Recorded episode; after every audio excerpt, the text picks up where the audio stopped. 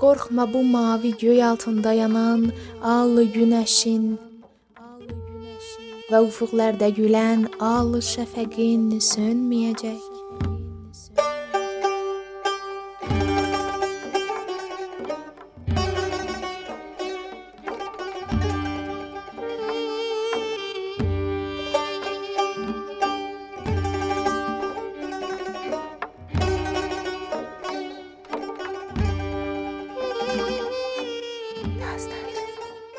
Qorxma bu mavi göy altında yanan al günəşin və üfüqlərdə gülən al şəfəqin sönməyəcək. İlkbəharın açacaq gül, ötəcək bülbüllər. Dünyamız bir də bu aləmdə xəzan görməyəcək.